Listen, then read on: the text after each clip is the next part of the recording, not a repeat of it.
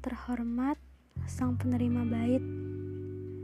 Baitku terlalu panjang, baitku terlalu kaku, bahkan terlalu lusuh. Tapi baitku terisi untayan untukmu, untuk perkenalan, untuk bagaimana caramu memperlakukanku berbeda dari yang lain. Juga cara sederhanamu membuatku ingin ingin mencintai dan cara matamu yang bekerja menatapku intens, menghanyutkan perasaan yang sekedar biasa menjadi syair cinta. Aku bisa apa? Ada kalanya perasaan tak bisa diungkapkan oleh suara.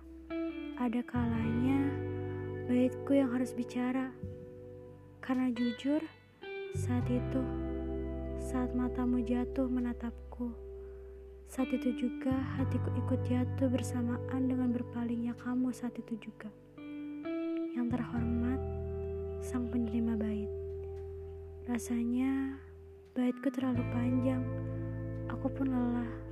Tapi kau membuat jemariku enggan berhenti menyempurnakan ragamu. Bisakah kau tak membuatku menulis dengan aksara cinta lagi?